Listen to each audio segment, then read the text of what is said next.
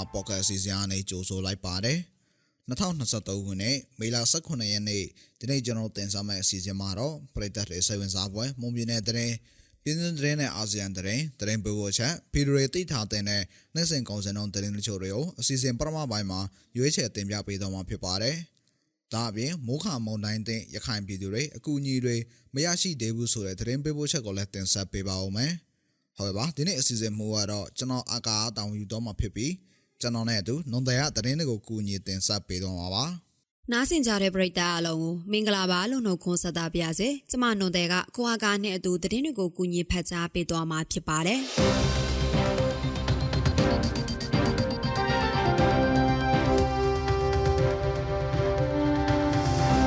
ပထမဦးဆုံးသတင်းတစ်ပုဒ်အနေနဲ့ ပြည်သူ့ကာကွယ်ရေးတပ်ဖွဲ့တွေလှုပ်ရှားမှုအားကောင်းပြီးပြစ်ခတ်တိုက်ခိုက်မှုမကြာခဏဖြစ်ပွားနေတဲ့ရေမြို့နယ်မှာအခုရက်ပိုင်းအတွင်းစစ်ကောင်စီကလေရင်ပြန်တန်းနေတဲ့အတွက်လေရင်နဲ့ဘုံကျဲတိုက်ခိုက်မှာကိုဒေသခံတွေစိုးရိမ်ကြောက်ရွံ့နေကြရပါတယ်။မေလ6ရက်နေ့နောက်ပိုင်းရေးတောင်ပိုင်းနဲ့မြောက်ပိုင်းဒေသကိုစစ်ကောင်စီလေရင်ပြန်တန်းမှုနေ့စဉ်လိုလိုရှိနေတာပါ။ပြီးခဲ့တဲ့မေလ9ရက်10ရက်နဲ့10ရက်နေ့တို့မှာရေးမြောက်ပိုင်းဘဲလဲမှုကြေးရွာအုပ်စု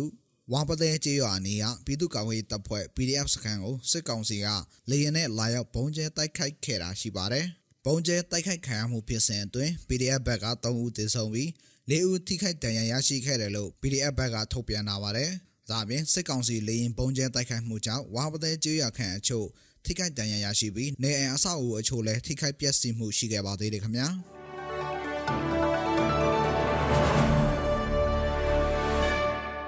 နောက်ထပ်သတင်းတပုတ်အနေနဲ့စိုက်ထုံမြို့မြို့ရှောင်းလန်းမိပွဲအနီးမှာမနေ့ကနေ့လယ်တနာရီခက်ကခါသစီအချိန်လွန်သိမ့်မှောက်ပြီးဆရာတော်တပားပြန်လွန်ခဲ့တယ်လို့လူမှုကယ်ဆယ်ရေးအဖွဲ့ထံကသိရပါဗျ။တဒနာရေးအမှတ်တစိတ်ပါဆရာဝီအမျိုးအစားအမဲရောင်ကားဟာရန်ကုန်ကနေမော်လမြိုင်ကိုအသွားအချိန်လွန်ပြီးတိမ့်မှောက်ခဲ့တာပါ။ ရန်ကုန်ကနေမော်လမြိုင်သွားဖို့အကွေ့မှာအချိန်လုံးပြီးမှောက်သွားခဲ့တာလို့သိရပါဗျ။ကားမှာဆရာတော်တပားနဲ့ဒရိုက်ဘာပါပြီးရင်မောင်းတိခိုက်ဒဏ်ရာအနှဲငယ်ရရှိခဲ့ကဆရာတော်ကတော့ဆေးရောင်အယောင်မှာပြန်လွန်တော်မူသွားတယ်လို့စိုက်ထုံမျိုးလူမှုကူညီရေးအသင်းအဖွဲ့ဝင်တအူးကဆိုပါတယ်။ပြန်လွန်တော်မူသွားတဲ့ဆရာတော်ဟာမော်လမြိုင်မြို့တောင်ဝိုင်းကလေးမဟာစီသတနာရိပ်တာမှာသတင်းသုံးနေထိုင်ပြီးရန်ကုန်မြို့လှဲကူမှာကျောင်းထိုင်ဆရာတော်ပတ္တန်တသတနာဖြစ်ပါတယ်။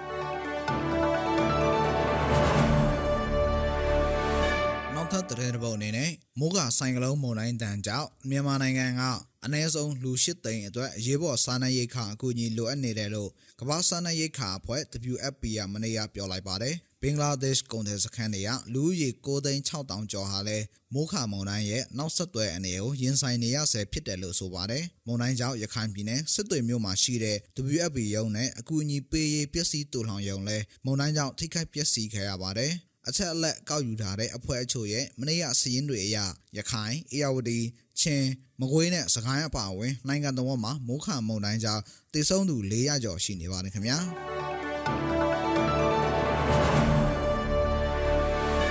နောက်ထပ်သတင်းသဘောအနေနဲ့ကရင်အမျိုးသားအစီအယုံ KNU တမဟာ3ထိန်းချုပ်နယ်မြေပဲခူးတိုင်းညောင်လေးပင်ခရိုင်မှာစစ်ကောင်စီတပ်တွေထိုးစစ်ဆင်တိုက်ခိုက်နေတာကြောင့်နှစ်ရက်အတွင်းဒေသခံ8000ကျော်ထွက်ပြေးတိမ်းရှောင်နေရတယ်လို့ကရင်အမျိုးသားအစီအယုံ KNU ဗဟိုကမနေ့ကသတင်းထုတ်ပြန်လိုက်ပါတယ်။ တမဟာ3ထိန်းချုပ်ရာ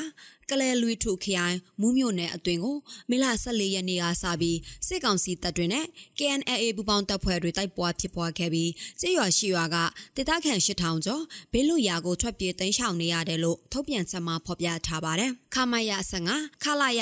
84ခလာရ83ခမရ999စတဲ့စစ်ကောင်စီတပ်တွေနဲ့ KNU လက်အောက်ခံပူးပေါင်းတပ်တွေတိုက်ပွဲဖြစ်ပွားခဲ့ပြီးဒေသခံတွေထွက်ပြေးနေရတယ်လို့ထုတ်ပြန်ထားပါတယ်။ စစ်တပ်အာဏာသိမ်းပြီးနောက်စစ်ကောင်စီတပ်တွေရဲ့ထိုးစစ်ဆင်တိုက်ခိုက်တာလေကြောင်းတိုက်ခိုက်တာတွေကြောင့် KNU ထိန်းချုပ်နယ်မြေတွေမှာလူလေးသိန်းကျော်စစ်ပေးသိမ်းရှောင်နေရတယ်လို့သိရပါတယ်ရှင်။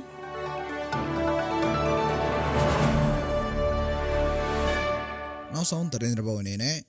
မိုးခဆိုင်ကလုံးမုန်တိုင်းကြောင့်ရခိုင်ပြည်နယ်စစ်တွေမြို့နယ်ဒုက္ခတဲ့စခန်းတွေကရိုဟင်ဂျာဒုက္ခတဲ့400ကျော်တေဆုံးပြီးပျောက်ဆုံးသူလည်းအများပြားရှိနေတယ်လို့အမျိုးသားညီညွတ်ရေးအစိုးရ NUG ရဲ့ ရိုဟင်ဂျာအကြံပေးအဖွဲ့နဲ့မြေပြင်မှာစေတနာဝန်ထမ်းအချက်လက်ကောက်ယူနေသူတွေကပြောပါတယ်။တေဆုံးသူတွေထဲမှာကလေးအမျိုးသမီးကိုဝန်ဆောင်မိခင်လောင်းနဲ့တက်ကြီးရွယ်အိုတွေအများစုပါဝင်တယ်လို့ဆိုပါတယ်။မုံတိုင်းတိုက်ပြီးနှစ်ရက်ကြော်ကြာတဲ့အထိတေဆုံးပျောက်ဆုံးနေတဲ့ရိုဟင်ဂျာဒုက္ခသည်တွေကိုကယ်ဆယ်ရေးမလုပ်နိုင်သေးသလိုရုပ်လောင်းအလုံးကိုလည်းမကောက်ယူနိုင်သေးဘူးလို့ပြောပါတယ်။စစ်တွေမျိုးနယ်ကသတင်းပေးလာသူတွေရဲ့ပြောဆိုချက်တွေအရ ရရမြရော့လောင်းတွေကိုအစ္စလမ်ဒလိထုံတဲ့နယ်ညီချက်ချင်းမြေမြုပ်တကြိုနေတယ်လို့ဆိုပါတယ်ရခိုင်ပြည်နယ်မှာ2012လူမျိုးရေးပဋိပက္ခနဲ့2019စစ်တပ်နယ်မြေရှင်းလင်းရေးကြောင့်စစ်တွေမျိုးအနောက်ဘက်ကတကယ်ပြင်းတားပိုင်းတဲချောင်းအုံတော်ကြီးအစရှိတဲ့ဒုက္ခတဲ့စကန်73ခုမှာရိုဟင်ဂျာဒုက္ခတဲ့32000ခုလုံးနေပါတယ်ခင်ဗျာ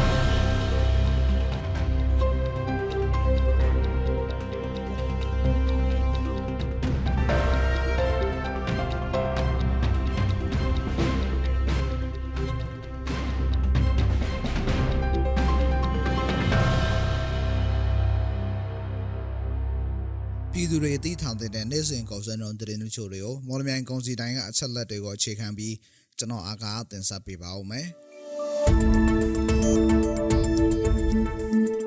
ဟုတ်ကဲ့ပါဒီနေ့ထိုင်းနဲ့မြန်မာငွေလဲနှုန်းကတော့ထိုင်းဘတ်85ဝယ်ဈေးရှိနေပြီးရောင်းဈေးက85ဒရမ5ရှိနေပါတယ်။ဒေါ်လာဈေးကတော့အမေရိကန်ဒေါ်လာကိုဝယ်ဈေးမြန်မာငွေ2850ရှိပြီးရောင်းဈေးကတော့2865ရှိနေပါတယ်။ ရွှေစင်းတုံးကမီလင်16ပဲကြက်တာကိုအပြင်ပေါက်စေ330ဝန်းကျင်မှာရှိနေပါတယ်73စီတွေကတော့ဒီဇယ်တလီတာကို1950ကျပ်အောက်သိန်း92တလီတာကို1965နဲ့95တလီတာကို2065ကျပ်ရှိနေတာပါ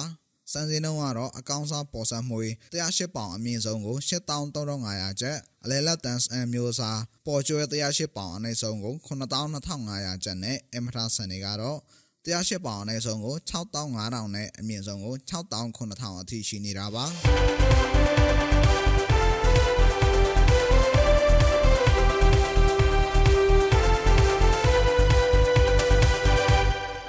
အခုတင်ဆက်ပေးသွားခဲ့တာကမေလ18ရက်နေ့မှာဖြစ်ပျက်ခဲ့တဲ့မွန်ပြည်နယ်သတင်းပြည်ထောင်သတင်းနဲ့အာဆီယံသတင်းတွေအပြင်တနိဒာစီစေးငွေစင်းနဲ့ကုန်စည်နှုန်းတွေကိုတင်ဆက်ပေးသွားခဲ့တာဖြစ်ပါတယ်။ ဆက်လက်ပြီးတော့မိုးခမုန်တိုင်းတင်ရခိုင်ပြည်သူတွေအကူအညီတွေမရသေးဘူးဆိုတဲ့သတင်းပေးပို့ချက်ကိုနဒီရတင်ဆက်ပေးပါဦးမယ်မုခမုံတိုင်းသည့်ရခိုင်ပြည်သူတွေလက်ရှိအခုချိန်ထိကုညီတွေမရရှိနိုင်သေးပဲဖြစ်နေတယ်လို့ရခိုင်ဒေသခံပြည်သူတွေထံသိရပါဗျ။မောင်တိုင်းကြောင့်ပျက်စီးမှုတွေကိုကိုထုကိုနဲ့ရောင်းကန်နေရဆောင်ပဲဖွဲ့စီကမှလာရောက်ကူညီခြင်းမရှိသေးဘူးလို့စစ်တွေမြို့ခံသူကပြောပါတယ်။ စစ်တွေအခြေအနေကတော့ ဘယ်လိုပြောမလဲ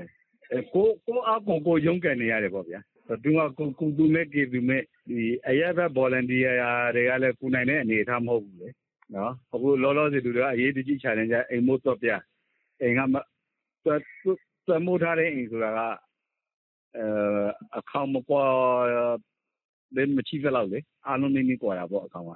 အဲကြအိမ်မို့တော့ပြချကြတယ် နောက်ပြီးတော့တောက်ရည်ပေါ့ အခက်အခဲ စားရေးသောက်ရေးလည်းဒီလိုပဲဝေမျှဝေချမ်းစားသောက်နေကြတာပဲ။ဆေးတွေကမ်းတွေသတင်းမေးပေါ်တောင်ရတယ်မေးပေါ်တော့မရဘူး။ဆေးမဲ့ကမ်းမဲ့လူသူဝေးအဲ့လိုပေါ့။မနေ့ကတော့ဒီရက်ကွက်အုပ်ချုပ်ရေးကပေါ့လေအပြည့်အစည်စင်းတော့လာလာကောက်တာတော့တွေ့လိုက်တယ်ခင်ဗျ။ဒါပေမဲ့ဘာမှလည်းတော့အပြေတော့မသိခဲ့ဘူး။လေလိုင်းကထုံးနေကြတာလေ။ဘာမှမရဘူး။စိတ်တွေကိုတော့သတင်းမေးလို့တော့မရပါဘူးဒီမှာ။အပေါ်ကတော့ကောင်းကင်ကတော့ရဟဲရင်လေရင်ပြန်နေတာတော့တွေ့ ဝါကီတော်ကီကားထဲနဲ့သွားနေတာလည်းတွေ့တယ်။ဒါပေမဲ့လူထုစီရောက်တာတော့မဟုတ်ဘူး။အဲ့ဒီဈေးဆိုတော့ဖွဲ့ဖွဲ့ကြည့်လေ။ပြန်တော့အသက်ဝင်ဖို့ကမလွယ်တာ။မြန်မာနိုင်ငံအတွင်းဝင်ရောက်တက်ခတ်ခဲ့တဲ့မုန်တိုင်းကြောင့်ထိခိုက်ခံစားရသူတွေကိုကူညီထောက်ပံ့ရေးဒေါ်လာတန်တုံးဆွဲဖို့ဘတ်ဂျက်သတ်မှတ်ထားတယ်လို့အမျိုးသားညီညွတ်ရေးအစိုးရ NUG ကမနေ့ကပြောကြားခဲ့ပါတယ်။ အလားတူမောင်တိုင်းတရခိုင်ဒေသပြန်လည်ထူထောင်ရေးစက်သိန်းပေါင်း9000အပါဝင်စံနဲ့စားနပ်ရိက္ခာတွေထောက်ပံ့ပေးခဲ့တယ်လို့စစ်ကောင်စီကထုတ်ပြန်ခဲ့ပါတယ်။ကြောက်တော်မြို့နယ်မှာပြည်သူသူကလည်းအကူအညီတွေမရရှိကြောင်းနဲ့ကိုထုကိုနဲ့သာလှုပ်ဆောင်နေရတယ်လို့ဆိုပါတယ်။မုံတိုင်းကြောင့်ပျက်စီးသွားတဲ့တိုက်ပွဲရှောင်စခန်းတွေပြန်လည်တည်ဆောက်နိုင်ခြင်းမရှိသေးသလိုအလူရှင်တွေလည်းလာရောက်ကူညီတာမရှိသေးဘူးလို့ မြောက်မြို့နယ်စင်ဘော်ကိုင်းတိုက်ပေါ်ရှောင်းစကန်တာဝန်ခံဦးညီပူကပြောပါတယ်အခုလောလောဆယ်တော့သူတို့ကဒီနီးနားမှာရှိတဲ့ရွာတွေကဘုံကျောင်းတွေမှာဝင်ပြီးခိုလုံနေရတယ်ရှင်အခုဆိုရင်သူတို့တွေလည်းတိတ်နေပါတယ်ပြန်ပြီးတော့ပြုပြင်ဖို့အတွက်လည်းအခက်အခဲတော်တော်ဖြစ်နေတယ်ခက်ခဲဆိုတာမှအခုဒီမုံတိုင်းပြီးခါစားဆိုတော့တိတ်နေအကုန်လုံးပြည့်စည်သွားတယ်ဆိုတော့ဒီစစ်တွေဝါးတွေအုံးတွေပြီးရင်တာပင်တွေအဲ့ဒါတွေမရှိတဲ့အချိန်ကျတော့ဟိုဟာပြီးပြင်ရမယ့်ဟာအချိန်ကြမ်းကြနေတယ်ဆရာ အဖွဲ့အစည်းတွေကတော့လူတန်းတာတွေအကူအညီပေးတာတွေတော့မရှိသေးဘူးဟိုအခုလောလောဆယ်တော့ဒီ ICRC ဘက်ကတော့ဒီတဲအိမ်တွေပျက်စီးစည်ရင်းတွေကိုတော့ကောက်ခံခိုင်းထားတာတော့ရှိတယ်မေလ14ရက်ရခိုင်ကရုတ်တမ်းမှတစိဝင်ရောက်တိုက်ခတ်ခဲ့တဲ့မုခမုံတိုင်းကြောင့်ရခိုင်ပြည်နယ်အပါအဝင်ချင်းပြည်နယ်မကွေးတိုင်းဒေသကြီးမန္တလေးတိုင်းဒေသကြီးစကိုင်းတိုင်းဒေသကြီးတို့ပျက်စီးမှုများရှိခဲ့ပါတယ်။